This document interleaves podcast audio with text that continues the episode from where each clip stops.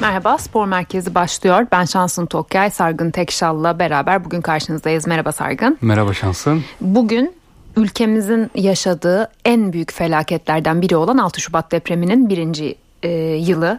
E, çok acı bir gün. Bugün benim yaptığım ilk yayın e, bu radyo yayını e, evvelinde e, spor yayınlarının haliyle gerçekleştirmedik bugün. Çünkü tüm gün NTV'de depremin birinci yılı dolayısıyla e, çok özel çok güzel yayınlar vardı. Hala da devam ediyor bu arada. Hatta tam şu anda canlı olarak depremden bir yıl sonra Hatay'dan görüntüler var NTV'de.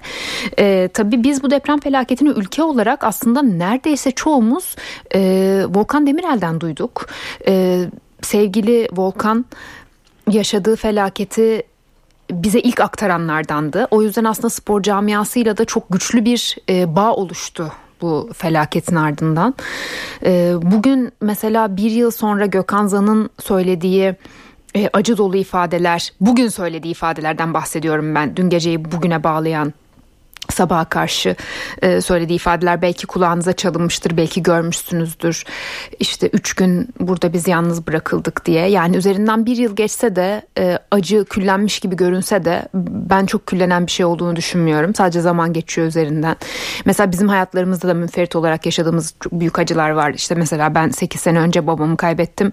Mesela o süreden sonra yani o andan sonra belli bir süre geçiyor ve e, sen o acı geçmişte kalmış gibi düşünüyorsun ama aslında e, hep orada. E, neyse lafı çok uzatmayayım. Sargın sana bırakayım sözü burada. Senin de söylemek istediklerim var biliyorum. Evet öncelikle gerçekten bugün yine o içimiz vuruldu. Hayatını kaybeden 53 bin vatandaşımız, 53 bin aşkın vatandaşımızla yeniden başsağlığı diyelim, saygıyla analım. Yakınlarında sabır dileyelim. Yıkılan kentlerini geri dönmeyi bekleyen birçok vatandaşımız var. Onlara da en kısa sürede ya eskisi gibi olmayacak ama en azından ait oldukları yere dönmek isteyen vatandaşlarımıza sabır ve en hızlı şekilde dönebilecekleri bir gelecek dileyerek başlayalım. Evet Volkan Demirel'den bahsettin. Hı hı. Spor dünyası ya Türkiye o sabah ya çoğu kişi işte uyandığında Volkan Demirel'in sosyal medya paylaşımı çıktı karşıma. Mesela ben de öyle ilk gördüm uyandığımda yatakta Volkan Demirel'in paylaşımıyla ve Ondan sonra da Hatay Spor bir sembol oldu. Evet. Birçok takım var. Ligden çekilmek zorunda kalan bu sezon bile oynayamayan takımlar var bu arada. Onlardan bahsedeceğiz birazdan. Ama Volkan Demirel'in sergilediği duruş birçok insana örnek oldu. Çok sahiplendi kulübü. Sonuçta Volkan'ın Hataylı bir geçmiş. Mesela Gökhan Zan Hataylı ailesi Hı-hı. orada evet çok net bir bağ var kayıpları oldu. Ama Volkan Demirel 5-6 aydır Hatay'da yaşayan bir kişiydi ve o günden itibaren Hatay benim şahsi meselemdir dedi Atatürk'ün evet. sözünü hatırlatarak ve asla bırakmadı Hatay'a destek olmayı. Kulübü sahiplendi bir başkan gibi çalıştı. Kadroyu baştan kurdu. E, deprem, depremde stadı antrenman tesisleri Hatay'ın zarar gördü. Bir göçebe hayatı yaşadı futbolcular da takımda. Onları her şeyini organize etti. Yani onu biliyoruz Volkan Demirel'e gerçekten bugün yine tekrar saygı duyduk. Bugün de onun bir konuşması vardı. Sabah 4.17'de sessiz yürüyüşte Hatay'daydı. Bu arada şunu da hatırlatmakta fayda var. Sabah 4.17'de saat 4.17'de birçok işte devlet yetkilisi Hataylardan tepki gördü. Bunu izledik ama alkışlanan tek bir kişi vardı. Volkan Demirel'di. Gerçekten orada bir kahraman artık Volkan Demirel. Yaptıklarıyla bunu da hak ediyor bu duruşuyla, bu karakteriyle. O da bir basın toplantısı düzenledi bugün tesislerinde, zarar gören tesislerinde ya beni sevmeyebilirsiniz ama Hatay'ı sevin diyor. Bize destek verin diyor. Biz burada sadece bu şehrin geriye dönüş umudunun bir sembolüyüz diyor. Evet ligde ligde kalmaya çalışıyoruz. Kötü sonuçlar da alıyoruz. 10 maç bu sezon kazanamadık, eleştirildik. Benim teknik direktörlüğümü eleştirin, yönetimin tavrını eleştirebilirsiniz ama asla ve asla Hatay'ı yalnız bırakmayın ve lütfen Hatay Spor hepinizin ikinci takımı olsun dedi. Bu arada basın mensupları sizin heykeliniz dikilmeli tarzında sorular da sordu. Volkan Demirel buna da heykele gerek yok ben her insana yapabileceği bir şey yaptım ödül istemiyorum. Tek amacım insanları 90 dakika bu ortamdan uzaklaştırabilmek. Transfer yapıp yapmayacağımız belirsiz diye de devam ederek aslında kulübün gündeminde değerlendirdi. Buradan yine Volkan Demirel'e gerçekten teşekkürlerimizi ve saygılarımızı iletelim. Evet. Hatay Spor dedik. Hatay Spor gerçekten küllerinden doğmaya çalışan bir şehrin sembolü oldu. Sezon başında da biz işte Hatay'daki taraftarlar röportaj yapmıştık. Taraftarlar da özel bir yere koyuyor Hatay Spor'u. Ama birçok kulüp var etkilenen. Mesela Yeni Malatya Spor bu sezon da ligde yarışamıyor. Futbolcularını da kaybetmişlerdi. Ahmet Eyüp Türk Arslan'ı kalecilerini kaybetmişlerdi. Bu sezonda ligi katılamadılar. Onlar işte geri dönüş mücadelesinde kulüpler de ekonomik olarak da çok etkilendi. Çok. Tesisleri çok. gitti. Maç yapamıyorlar. Birçok kulübü de buradan hatırlatmak gerekiyor. Hatay Mersin'de oynuyor değil mi Sargın? Evet. Maçlarını evet. Yani Hatay'da şöyle bir süreçten geçti. Onu da hatırlatalım belki unutan dinleyicilerimiz olmuştur. Sezon başında Riva'da kamp yapıyorlardı federasyonun tesisinde futbolcular. Kasım ayından itibaren Mersin'e taşındılar. Ancak Mersin'de de büyük bir öyle altyapıları yoktu. Volkan Demirel bundan çok şikayet etti hatta geçtiğimiz 1-2 ayda.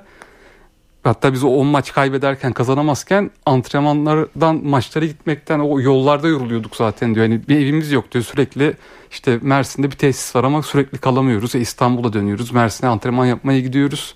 Yani böyle bir süreçten geçiyor Hatay Spor.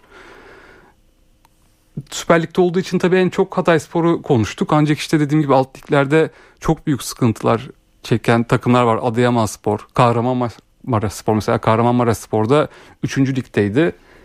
Geçen sezon çekildi. Bu sezon dönemediler bile. Özel izin aldılar federasyondan. Gelecek sezon dönecekler. Hı hı. İşte oyuncuları, altyapı nasıl olacak? Tabii bu kulüplerin hep biz A takımlarını görüyoruz. İşte oyuncular bir şekilde bulunuyor, transfer ediliyor ama genç oyuncular da işte o futbola bir şekilde tutunmaya çalışan gençler de çok maalesef kaybeden kaybettiler bir sürü altyapı oyuncularını. Tabii. Bulmakta zorluk çekiyorlar. Onlara şartlar sağlamakta zorluk çekiyorlar. Başka şehirlerden ya özel bir mücadele var orada gerçekten. Yaşayan gençler, çocuklar oluyor altyapılarda. Evet yani mesela işte dediğimiz gibi Kahramanmaraş Spor, Yeni Malatya Spor gibi takımlarda daha dönemediler bile. Ya yani öyle yıkıcı bir etkisi oldu spor dünyasında da. Evet. Hatay Spor'da tabii biz en çok Christian Atsu'nun ölümü, Taner Savut'un ölümü e, teknik kadrodan e, bunları gördük ama bir yandan da Sargı'nın da söylediği gibi çok göz önünde olmayan medyanın ilgisi üzerinde çok fazla olmayan ikinci üçüncü lig takımları da çok çok büyük kayıplar verdiler. Tıpkı e, Hatay'ın neredeyse haritadan silinme noktasına gelmesi gibi bir yok oluş yaşayan evler oldu, ilçeler oldu. E, çok zor dile getirmek bizim için mesela ben bir spor spikeriyim. Benim için doğru kelimeleri bulmak da çok zor. Yani bir arkadaşımla oturup bu konuyu konuşurken de böyle inanın yani e, sizin karşınızda olduğum için değil sadece e, zor gerçekten. E, Hatay Spor'a gelince Hatay Spor o hani Sargın dedi ya bir 10 maç üst üste kazanamadı diye. Mesela o arada Volkan Demirel takıma daha fazla zarar vermemek adına takımdan ayrılmayı düşündüğüne dair bir e, Volkan Demirel'in e, bunu düşündüğüne dair bir dedikodu yayılmıştı. Doğrudur değildir bilemem de e, Hatay Spor Cephesi açıklama yapmıştı. Volkan bir açıklama yapmamıştı. İşte biz onu bırakmıyoruz hiçbir yere gidemez diye. E, öyle bir açıklama gelince de herhalde dedik hani böyle bir konuşma oldu gerçekten. Çünkü sezon başında da mesela Fenerbahçe'nin Volkan Demirel'i isteyebileceğine dair yine tırnak içinde söylüyorum dedikodular vardı. O dönemde Volkan ben hiçbir yere gitmiyorum Hatay Spor'un başındayım demişti. Ki bakın Fenerbahçe diyorum yani Volkan'ın efsane olduğu 20 yıl formasını taşıdığı kulüp. E tabi Volkan Demirel'in kariyerini biliyoruz. Futbolculuk kariyerini teknik direktörlükteki en büyük hayali de büyük ihtimalle Fenerbahçe'yi çalıştırmak. Değil mi? Ve bu fırsat her zaman gelmez. Sezon başında çok konuşuldu. Bir ilgi de oldu hep söylendi. Ama gerçekten Volkan Demirel çok ait hissetti kendine ve asla bırakmayı düşünmedi. Eşi de aynı şekilde. Onlar yani oraya ailece bağlandılar. Şöyle demeçleri de var mesela Volkan Demirel. Yani sadece günü düşünmüyor. Şunu söylüyor. Bizim diyor Hatay Spor'un diyor 2-3 sezonu kurtarmamız lazım gelecek sezon ki. Transferleri de ona göre yapıyorum. Binlerce futbolcu izliyorum.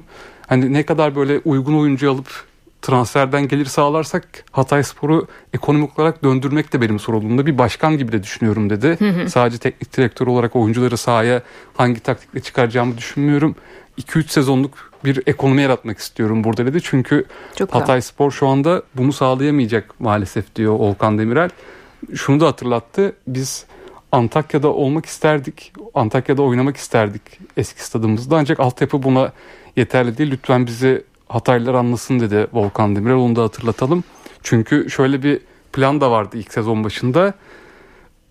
Maçlarını Mersin'de oynamayacaktı Hatay Spor aslında. Ama Hatay'a yakın olması için Mersin'i özellikle Volkan Demirel istedi. Bir şekilde şimdi maç günleri Mersin'de oynayınca Hatay Spor özel otobüslerle isteyenler gidiyor. Evet. Tabii insanların oraya gitme önceliği de çok yok şu anki tabii, ortamda. Tabii. Ama isteyen Hataylılar o Mersin'e gidip maçları izleyebiliyor. Bugün mesela e, Cüneyt Özdemir'in internette YouTube'da yaptığı yayında işte Hatay'da e, ikamet etmekte olan depremden evvel bir hanımefendi bağlandı. Sinop'a yerleşmiş.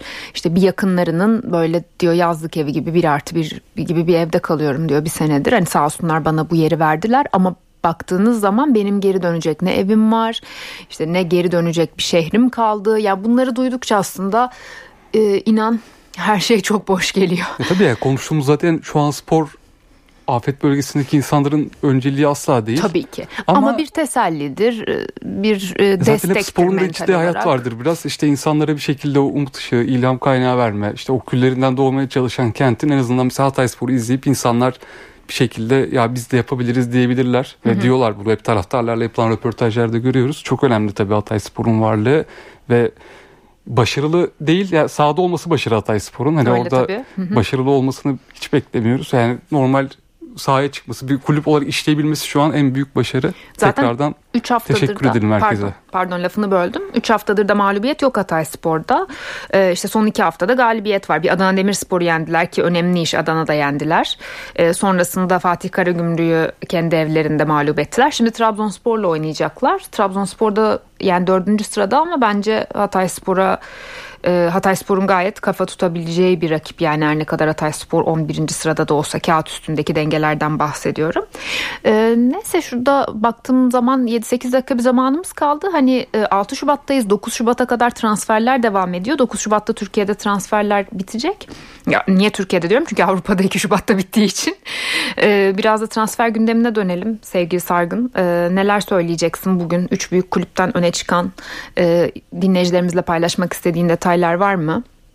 Bu, ha, bu arada e, transfere gelmeden şunu da söyleyeyim. E, bugün Galatasaray'ın maçı var. Evet kupa maçları başladı. Ha, kupa maçları var Çeyrek aynen. finalistler belli oldu. Ha, ilk çeyrek finalist Fatih Karagümrük oldu. 2-1 yendiler ve ilk çeyrek finalist oldular. Şu anda Ankara gücü oynuyor kupada Galatasaray'da saat 8'de. Ankara gücü maçı bitti 5-1 bu arada. Ha, Erzincan Spor ben de onu kontrol ettim bir anda sen söyleyince. Evet, Ankara... Karagümrük Samsun maçı 2-1 bitti. Ankara gücü Erzincan Spor 5-1 Ankara gücünün üstünlüğüyle İlk çeyrek finalistler Fatih Karagümrük ve Ankara gücü oldu kupada. Aynen, Galatasaray'da 20.45'te saat 20.45'te Galatasaray Bandırma Spor'u konuk edecek. TFF birincilik ekibi. Galatasaray'ın zaten bu maçta pek bir sürprize izin vermesini tahmin etmiyoruz. Biraz rakiplerine göre daha kolay kura çektiler. Kupada yarın da Gaziantep Fenerbahçe maçı var. Hı hı. Sivas Spor Konya Spor var. Başakşehir'de Hatay Spor'u konuk edecek. Hatay Spor'un yarın kupada da maçı var. Onu hatırlatalım. Hatta özel formalarla çıkacak Hatay Spor. E, forma numaralarında depremde hayatını kaybeden taraftarların resimleri yer alacak futbolcuların forma numaralarında. Hı hı. Öyle özel bir üretim var. Zaten siyah forma ile çıkıyor Hatay Spor bu sezon maçlarına. Hı hı. Yine o forma sadece o forma numaralarında Hatay sporlara kaybettiğimiz taraftarlarına yer vermeyi unutmadı Akdeniz ekibi.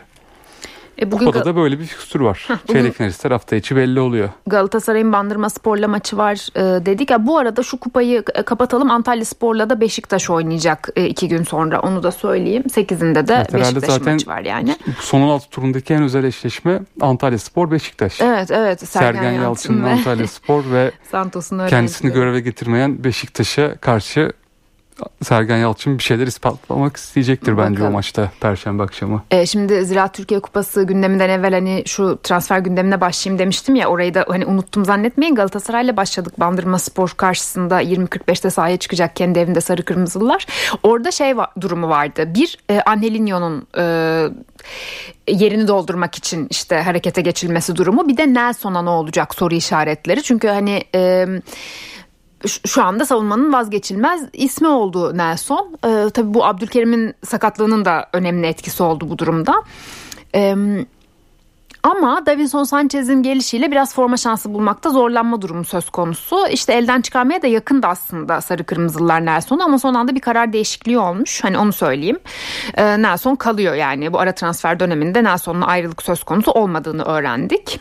Avrupa kadroları da verildi artık bu saatten sonra Nelson'la yolların ayrılması Aynen. çok sürpriz olur. E, ama işte bugüne kadar böyle bir durum vardı. Hani acaba e, sonuçta Davinson Sanchez'in transferiyle papucu dama atıldı Nelson'un gibi görünüyordu yani başta. Evet. Ama baktığın zaman e, bir değer kaybı söz konusu evet oyuncu için ama ben kötü bir performans sergilediğini düşünmüyorum. Yok, Mesela Abdülkerim sakatlanınca. Abdülkerim sakatlığında Davinson da sakatlandığı önce Nelson gayet iyi kotardı. Tabii tabii. O eski Nelson'u izlettirdi Galatasaray taraftarına. Galatasaray'da transfer çalışmaları devam ediyor. Avrupa listesi verildi. Bu saatten sonra artık gelecek oyuncular Avrupa Ligi'nde oynayamayacak, ligde oynayacak. Aynen. Sol bek arayışı sona yaklaştığı iddia edilen bir isim var. Alman basını transferin bittiğini hatta iddia ediyor akşamüstünden beri. Derek Kön Hannover'den temsilcisinin İstanbul'a geldiği ve 3 milyon euroya yakın bir bonservis bedeliyle Galatasaray'ın oyuncuyu alacağı konuşuluyor. Öyle bir iddia var ancak Galatasaray cephesinden bunu doğrultamadık, doğrultamadık henüz oyuncunun transferinin bittiğine dair. Tam cebimize Ama koyalım bu bilgiyi. Ama bir arayışı var. Yani bir birileri gelecek oraya. En azından tek bir transferle Galatasaray'ı kapatacak. Bir de şey e, Galatasaray Futbol Direktörü Cenk Ergün Azerbaycan'a gitmiş e, Toral Bayramov diye bir oyuncuyu izlemeye. Evet o da, Onu da söyleyeyim. yer aldığı iddiada. Rıdvan Yılmaz aslında bir numaralı adaydı ama Rangers'ta kalıyor Rıdvan. Aynen çünkü Rangers biraz e, para istedi. Yani haklı biraz olarak. azıcık. oyuncusu için para istediler. E, onlar da yatırım yaptı e, Rıdvan'a e, ve bekliyorlar ondan artık bir şeyler ve Rıdvan son bir aydır bu arada ilginçtir transferde ismi anıldığı günden itibaren Rangers'ta ilk 11 oynamaya başladı düzenli yani Euro 2024 içinde mutluluk verici bir haber. Ona ihtiyacımız var düzenli oynayan bir Rıdvan'a. Ama Türkiye'ye gelmeyecek artık bu Şubat'ta. Belki gelecek yaz gelir Aynen. bilmiyoruz. Onun dışında Fenerbahçe'de bugün ne Geçelim gelişmeler vardı. Yarın Gaziantep'le oynayacaklar. Antep'e gittiler az önce. Fred'in sakatlığı biraz netleşiyor. 3 hafta sonra sahaya dönmesi bekleniyor Fred'in. Ligdeki Kasımpaşa maçını hedefliyor sağlık heyeti. Fredsiz kazanamıyordu Fenerbahçe ilk sakatlığında ama bu sefer biraz daha idare ediyorlar durumu. Fred de 3 hafta sonra dönecek. Fred dönene kadar İsmail Yüksek Kurunic orta sahada oynamaya devam edecek. Fenerbahçe'de bir orta saha transferi olacak mı diye çok konuşuluyor ancak kulüpten hiç öyle bir arayış olmadığı bilgiler arasında sadece bir Serdar Dursun bekleyişi var. İsmail Yüksek, pardon teknik direktör İsmail Kartal yerli santfor alacağız demişti ve Serdar Dursun'la anlaştı Fenerbahçe ama Fatih Karagümrük izin vermiyor transfere. Onu bekliyor Fenerbahçe. Ama orta sahada bir arayış yok. Çünkü Crespo da ayrıldı. Lincoln ayrıldı. Hem konferans ligi hem kupa hem lig derken orta saha nasıl dönecek diye Fenerbahçe taraftarı merak ediyor biraz ama İsmail Kartal belli ki Fred, Kurunic, İsmail Yüksek ve Mert Hakan Yandaş hatta o derin rotasyonda güveniyor. Hı hı. Fenerbahçe bu dört oyuncuyla devam edecek orta sahada. Evet e, bu arada Beşiktaş'ın gündemine de bakalım tabii bir iki dakika kaldı e, ayrılmamıza huzurlarınızdan ama e, Türkiye Kupası'nda Antalya Spor'la oynayacağı maçın hazırlıklarını sürdürdüğünü zaten ifade etmemize gerek yok önündeki ilk maç bu maç ama e, Joe Worrell'ın ilk antrenmanına çıktığını söyleyeceğim e, yeni transfer e, olan oyuncunun. Şimdi biraz kapalı bir transfer politikası devam ettiriyor Beşiktaş. O yüzden böyle çok e, her an her şeyin olabileceği de bir transfer politikası. 9 Şubat'ta bitiyor ya transfer Türkiye'de. Yani inanın 9 Şubat Şubat gece 12'ye kadar her şey olabilir. Bu arada şöyle ilginç bir durum oldu Beşiktaş için bugün. İsmi uzun şimdi stoper transferi yapıldı. Feyyaz Uçar ne diyordu yönetici? Biz stoper 6 numara arıyoruz. Bir de olursa 10 numara.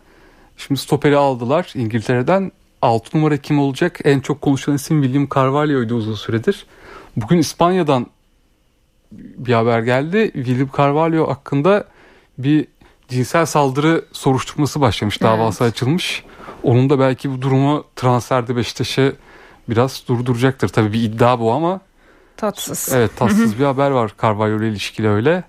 Onun dışında alt numara arayışı sürüyor. Ama bence Carvalho olmayacak gibi. Zaten bu haberden bağımsız bir iki haftadır da oyuncunun maliyetinin yüksek olduğu konuşuluyordu büyük ihtimalle böyle Balkanlardan bir Sırbistan'dan bir alt numara alacak gibi Beşiktaş.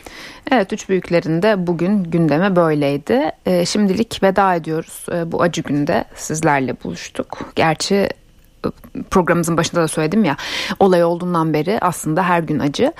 E, bu akşamlık bizden bu kadar diyelim. Hoşçakalın. Hoşçakalın.